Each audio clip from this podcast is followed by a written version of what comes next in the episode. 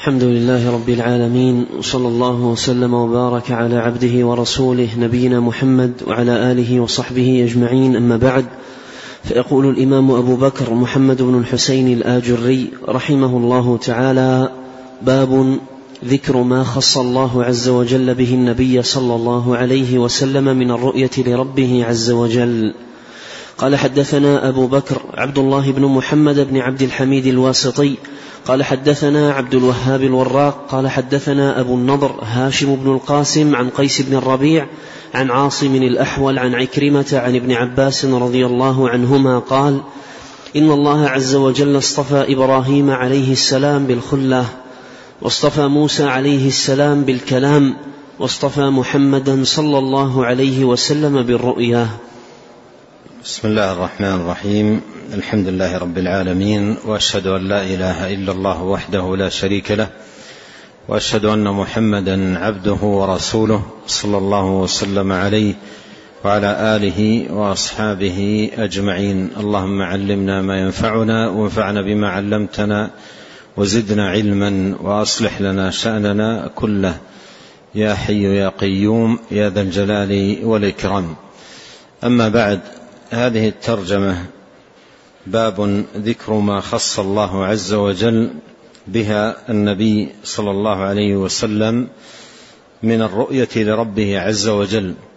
عقدها المصنف الإمام الآجري رحمه الله تعالى عقب الباب الذي قبلها والمتعلق بالإسراء والمعراج.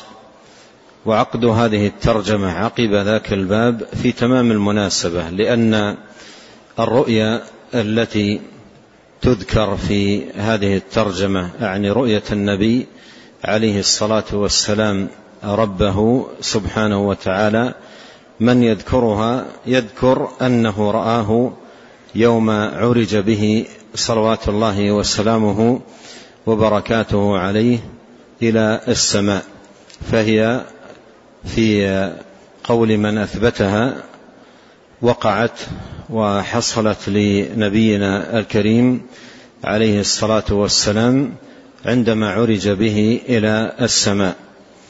وفيما يتعلق بالرؤية عموما اتفق أهل العلم من أهل السنة أن الرؤية ثابتة لأهل الإيمان يوم القيامة بلا ريب.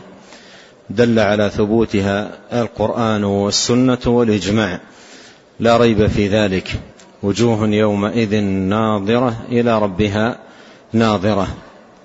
قال في حق غير أهل الإيمان كلا إنهم عن ربهم يومئذ لمحجوبون. وإذا كان حجبهم في سخطه فإنه يكرم أهل الإيمان برؤيته في الرضا رضاه سبحانه وتعالى عنهم. وفي الحديث المتفق عليه قال نبينا عليه الصلاة والسلام إنكم سترون ربكم يوم القيامة كما ترون القمر ليلة البدر لا تضامون في رؤيته. وفي صحيح مسلم أن النبي صلى الله عليه وسلم قال إذا دخل أهل الجنة الجنة قال الله سبحانه وتعالى هل تريدون شيئا أزيدكم؟ فيقولون ألم تدخلنا الجنة؟ ألم تنجنا من النار؟ ألم تبيض وجوهنا؟ قال فيكشف الحجاب فما أعطوا شيئا أحب إليهم من النظر إلى الله سبحانه وتعالى. والأحاديث في هذا الباب كثيرة. أيضا اتفق أهل السنة أن رؤيا الله سبحانه وتعالى في الدنيا غير ممكنة ولا حاصلة. وقد قال عليه الصلاة والسلام اعلموا أنكم لن تروا ربكم حتى تموتوا. اعلموا أنكم لن تروا ربكم حتى تموتوا. وهذا الحديث أفاد عدم إمكانها في الدنيا وتحققها في الآخرة لأنه علق المنع بالموت. فدل ذلك على أن ما بعد الموت حاصلة فيه الرؤية لأهل الإيمان. واختلف أهل العلم في مسألة واحدة في في في هذا الباب. هل رأى النبي صلى الله عليه وسلم ربه؟ وفيها عقد المصنف رحمه الله تعالى هذه الترجمة. هل رآه يوم عرج به؟ والذي دلت عليه الأدلة الواضحة وقامت عليه البراهين البينة أن النبي عليه الصلاة والسلام لم ير ربه لم ير ربه يوم عرج به وأن آه، الرؤية آه، إنما تكون في الآخرة في جملة بل أعظم النعيم الذي يناله آه، أهل الإيمان في الدار الآخرة. قال ذكر ما خص الله عز وجل به النبي صلى الله عليه وسلم من من الرؤية لربه. والمصنف عقد هذه الترجمة مثبتا ذلك. وهذا قول بعض أهل العلم لكن الصحيح خلاف ذلك. الصحيح أنه عليه الصلاة والسلام آه، لم يرى ربه يوم عرج به آه، والأدلة على ذلك أدل من أنه آه، قد رآه. يقول شيخ الإسلام ابن تيمية رحمه الله تعالى وليس في الأدلة ما يقتضي أنه رآه بعينه ولا ثبت ذلك عن أحد من الصحابة ولا في الكتاب والسنة بل النصوص الصحيحة على نفيه أدل. والمصنف رحمه الله ساق آه، بعض النصوص في هذا الباب بدأها بهذا الأثر عن ابن عباس رضي الله عنهما قال إن الله عز وجل اصطفى إبراهيم عليه السلام بالخلة أي خصه بأن اتخذه خليلا واتخذ الله إبراهيم خليلا. قال واصطفى موسى عليه السلام بالكلام أكرمه بأن أسمعه كلامه منه بلا واسطة. كما قال الله سبحانه وتعالى وكلم الله موسى تكليما.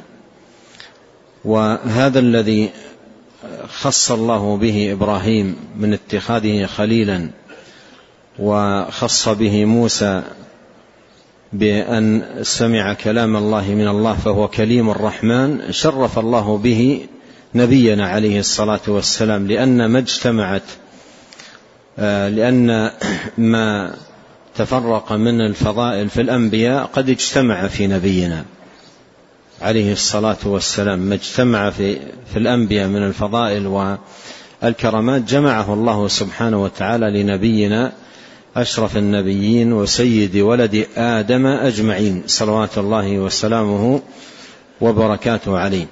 فاتخذه الله خليلا كما اتخذ إبراهيم خليلا وكلمه سمع كلام الله يوم عرج به آه، إلى آه، السماء سمع كلام الله من الله سبحانه وتعالى بلا واسطة.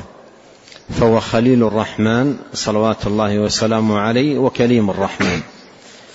قال واصطفى محمدا صلى الله عليه وسلم بالرؤية.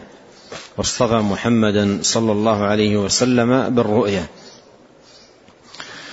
آه هذا الذي ذكره آه ابن عباس رضي الله عنهما محمول عند أهل العلم على ما جاء مقيدا في بعض آه، الروايات المنقولة عنه لأن ابن عباس رضي الله عنهما جاءت الروايات عنه في هذا الباب على نوعين مطلقة ومقيدة. فحمل أهل العلم المطلق من الروايات المنقولة عنه على المقيد. فجاءت عنه روايات مقيدة رآه بفؤاده. رآه بفؤاده رآه بقلبه. فيحمل المطلق من كلامه على المقيد. فيكون كلامه متفقا مع سائر الصحابة. ومثل ما تقدم معنا في النقل عن شيخ الإسلام ولا ثبت يقول ذلك عن أحد من الصحابة. يعني حتى ابن عباس يقصد. حتى ابن عباس باعتبار أن المطلق من, من كلامه محمول على المقيد. فقوله بالرؤية ليست الرؤية هنا بالباصرة العين. وإنما رآه بفؤاده.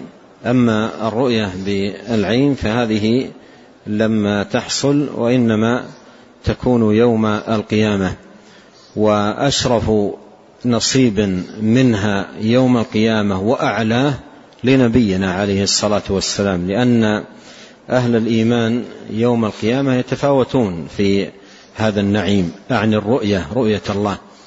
ولنبينا عليه الصلاة والسلام من ذلك أوفاه وأكمله وأتمه. نعم. قال رحمه الله تعالى حدثنا أبو بكر قال رحمه الله تعالى حدثنا أبو جعفر محمد بن الحسين الكوفي الأشناني قال حدثنا سفيان بن وكيع قال حدثنا عبدة بن سليمان عن محمد بن عمر عن أبي سلمة عن ابن عباس رضي الله عنهما في قول الله عز وجل ولقد رآه نزلة أخرى قال رأى ربه عز وجل. أورد رحمه الله تعالى عن ابن عباس رضي الله عنهما قال ولقد رآه نزلة أخرى. قال رأى ربه عز وجل. قال رأى ربه عز وجل. ذكر ذلك رحمه الله تعالى تفسيرا لهذه الآية. وهذا إن, إن صح عنه رضي الله عنه فهو مخالف لما صح عن النبي عليه الصلاة والسلام من تفسير لهذه الآية بأن المراد جبريل بأن المراد جبريل عليه السلام. فقد جاء في صحيح مسلم من حديث أم المؤمنين عائشة رضي الله عنها أنها قالت أنا أول هذه الأمة سألت عن ذلك رسول الله صلى الله عليه وسلم فقال إنما هو جبريل إنما هو جبريل.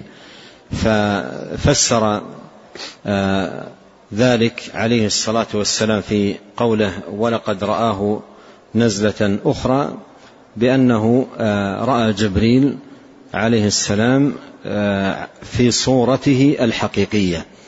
رآه مرتين مرة عندما عرج به إلى السماء ومرة رآه عليه الصلاة والسلام وهو في مكة وقد سد آه، عظم خلقه الأفق صلوات الله وسلامه عليه.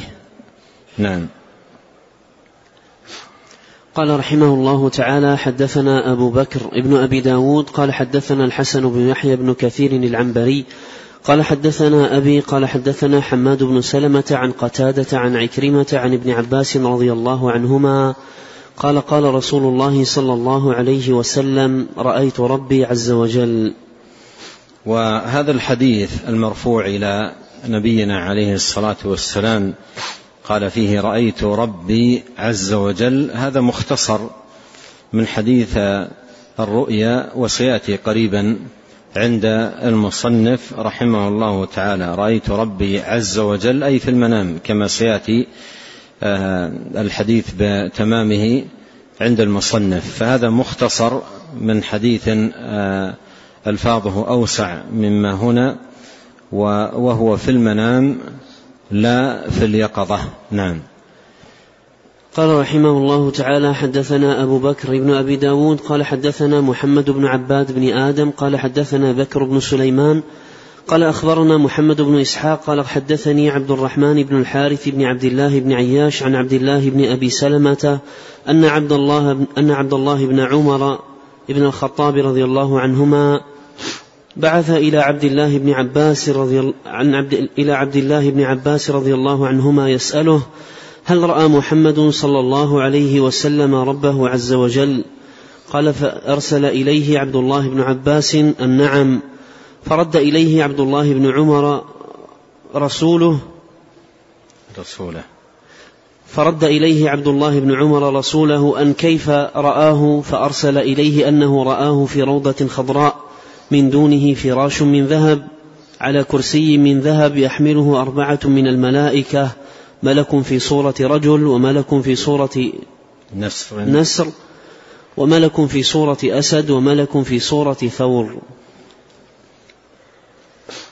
قال حدثنا أبو سعيد أحمد بن محمد بن زياد الأعرابي قال حدثنا أحمد بن عبد الجبار العطاردي قال حدثنا يونس بن بكير عن محمد بن إسحاق عن عبد الرحمن بن الحارث بن عبد الله بن عياش عن عبد الله بن أبي سلمة قال بعث عبد الله بن عمر إلى عبد الله بن عباس يسأله هل رأى محمد صلى الله عليه وسلم ربه عز وجل؟ فبعث إليه أن نعم قد رآه. فرد رسوله إليه فقال كيف رآه؟ قال رآه على كرسي من ذهب تحمله أربعة من الملائكة. ملك في صورة رجل وملك في صورة أسد وملك في صورة ثور وملك في صورة نسر في روضة خضراء دونه فراش من ذهب. نعم هذا لم يثبت إسناده آه، إلى ابن عباس رضي الله عنهما إسناد ضعيف وأيضا لم يكن يعرف عن أحد من الصحابة رضي الله عنهم أجمعين خوض في شيء من صفات الله سبحانه وتعالى بالسؤال عنها بكيف. فالكيف لم يكن محل بحث لأنه آه، آه، لأن ما جاءت به النصوص من صفات الله سبحانه وتعالى إخبار عن وجود هذه الصفات وليس إخبارا عن كيفيتها. ولهذا الكيف غير معلوم الصفات معلومة والكيف غير معلوم. وقد عد أهل العلم رحمهم الله تعالى البحث عن كيفيتها من البدع التي أنشأها وأحدثها أهل البدع. فلم يكن معروف عند أحد من الصحابة رضي الله عنهم خوض في شيء من صفات الله سبحانه وتعالى بكيف أو بسؤال عن كيفيتها. نعم. قال رحمه الله تعالى حدثنا أبو بكر ابن أبي داود قال حدثنا محمد بن عباد قال حدثنا بكر بن سليمان عن محمد بن إسحاق قال حدثني يعقوب بن عتبة بن المغيرة بن الأخنس عن عكرمة عن عبد الله بن عباس رضي الله عنهما أن رسول الله صلى الله عليه وسلم أنشد قول أمية بن أبي الصلت الثقفي رجل وثور تحت رجل يمينه والنسر للأخرى وليث مرصد فقال رسول الله صلى الله عليه وسلم صدق.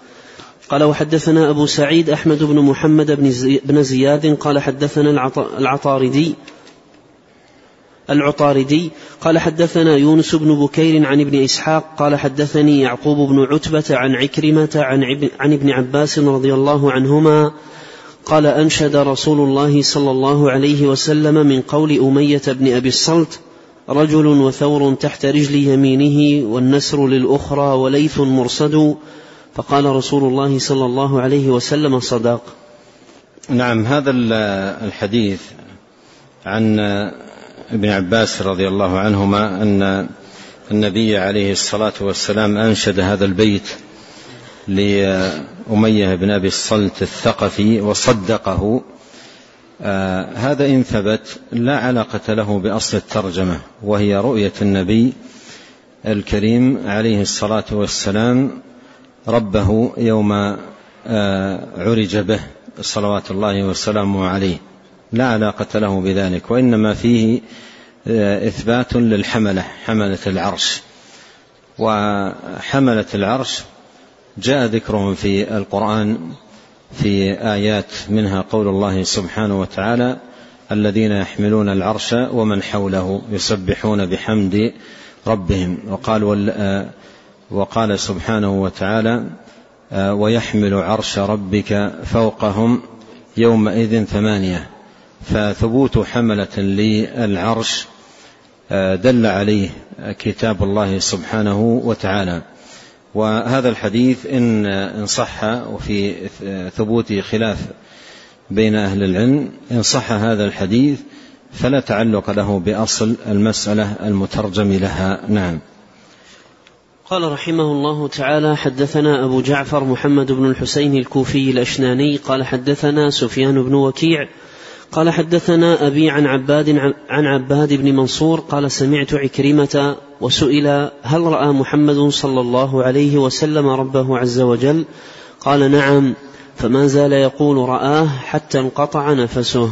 نعم يقال هنا ما ذكره شيخ الإسلام ابن تيمية رحمه الله أن كلا يحتج لقوله لا به إلا الله ورسوله. فكلام أهل العلم ليس نفسه الحجة وإنما يطلب له الدليل. ولم يقم دليل بين ثابت آه، في القرآن أو في السنة على أن النبي صلى الله عليه وسلم رأى ربه بل جاء جاء عنه آه، خلاف ذلك عليه الصلاة والسلام في حديث أبي ذر. سأل النبي صلى الله عليه وسلم هل رأى ربه؟ قال نور أن أراه. نور أن أراه. نعم. قال رحمه الله تعالى حدثنا الفريابي قال حدثنا عبيد الله بن عمر القواريري وإسحاق بن راهوية قال حدثنا معاذ بن هشام قال حدثني أبي عن قتادة عن أبي قلابة عن خالد بن اللجلاج عن عبد الله بن عباس رضي الله عنهما قال قال رسول الله صلى الله عليه وسلم رأيت ربي عز وجل فقال يا محمد فيما يختصم الملأ الأعلى؟ قلت ربي في الكفارات المشي على الأقدام إلى الجماعات وإسباغ الوضوء في المكروهات وانتظار الصلاة بعد الصلاة فمن حافظ عليهن عاش بخير ومات بخير وكان من ذنوبه كيوم ولدته أمه. قال حدثنا الفريابي قال حدثنا أحمد بن إبراهيم قال حدثنا ريحان بن سعيد قال حدثنا عباد بن منصور عن أيوب عن أبي قلابة عن خالد بن اللجلاج أن عبد الله بن عباس رضي الله عنهما حدثه أن رسول الله صلى الله عليه وسلم غدا يوما على أصحابه مستبشرا. يعرفون في وجهه السرور فقال لهم إن ربي عز وجل أتاني الليلة في أحسن صورة فقال يا محمد قلت لبيك ربي وسعديك قال هل تعلم فيما يختصم الملأ الأعلى قلت نعم يا رب يختصمون في الكفارات المشي على الأقدام إلى الجماعات وإسباغ الوضوء في السبرات فقال صدقت يا محمد من فعل, من فعل ذلك عاش بخير وكان من خطيئته كيوم ولدته أمه. قال وحدثنا أبو عبد الله أحمد بن الحسن بن عبد الجبار الصوفي. قال حدثنا سليمان بن عمر الرقي. قال حدثنا عيسى بن يونس. قال حدثنا الأوزاعي عن عبد الرحمن بن يزيد بن جابر. قال سمعت خالد بن اللجلاج يحدث مكحولا عن عبد الرحمن بن عائش قال سمعت النبي صلى الله عليه وسلم يقول رأيت ربي عز وجل في أحسن صورة. فقال لي فيما يختصم الملأ الأعلى يا محمد قلت أنت أعلم. أي رب؟ أعد, أعد الإسناد. قال حدثنا أبو عبد الله أحمد بن الحسن بن عبد الجبار الصوفي. قال حدثنا سليمان بن عمر الرقي. قال حدثنا عيسى بن يونس. قال حدثنا الأوزاعي عن عبد الرحمن بن يزيد بن جابر. قال سمعت خالد بن اللجلاج يحدث مكحولا عن عبد الرحمن بن عائش. قال سمعت النبي صلى الله عليه وسلم يقول رأيت ربي عز وجل في أحسن صورة فقال لي فيما يختصم الملأ الأعلى يا محمد؟ قلت أنت أعلم. أي رب؟ قال فيما يختصم الملأ الأعلى. قلت أنت أعلم أي رب؟ فوضع كفه عز وجل بين كتفي فعلمت ما في السماوات وما في الأرض ثم تلا وكذلك نري إبراهيم ملكوت السماوات والأرض وليكون من الموقنين. ثم قال لي فيما يختصم الملأ الأعلى يا محمد؟ قلت في الدرجات. قال وما الدرجات؟ قلت المشي إلى الجماعات والجلوس في المساجد خلف الصلوات وإسباغ الوضوء في, الصبر في السبرات. قال وفيما قلت في الكفارات؟ قال وما هي؟ قلت إطعام الطعام وبذل السلام والصلاة بالليل والناس نيام. قال قل اللهم قال قل اللهم إني أسألك فعل الحسنات وترك المنكرات وحب المساكين وأن تتوب علي وتغفر لي وترحمني. وإذا أردت بين قوم فتنة فتوفني وأنا غير مفتون. قال رسول الله صلى الله عليه وسلم فتعلموهن فوالذي نفسي بيده إنهن لحق. نعم يؤجل الكلام على هذا إلى اللقاء القادم بإذن الله سبحانه وتعالى. نسأل الله الكريم أن ينفعنا بما علمنا وأن يزيدنا علما وأن يصلح لنا شأننا كله وألا يكلنا إلى أنفسنا طرفة عين. إنه تبارك وتعالى سميع الدعاء وهو أهل الرجاء وهو حسبنا. ونعم الوكيل. سبحانك اللهم وبحمدك أشهد أن لا إله إلا أنت أستغفرك وأتوب إليك. اللهم صل وسلم على عبدك ورسولك نبينا محمد وآله وصحبه. جزاكم الله خيرا.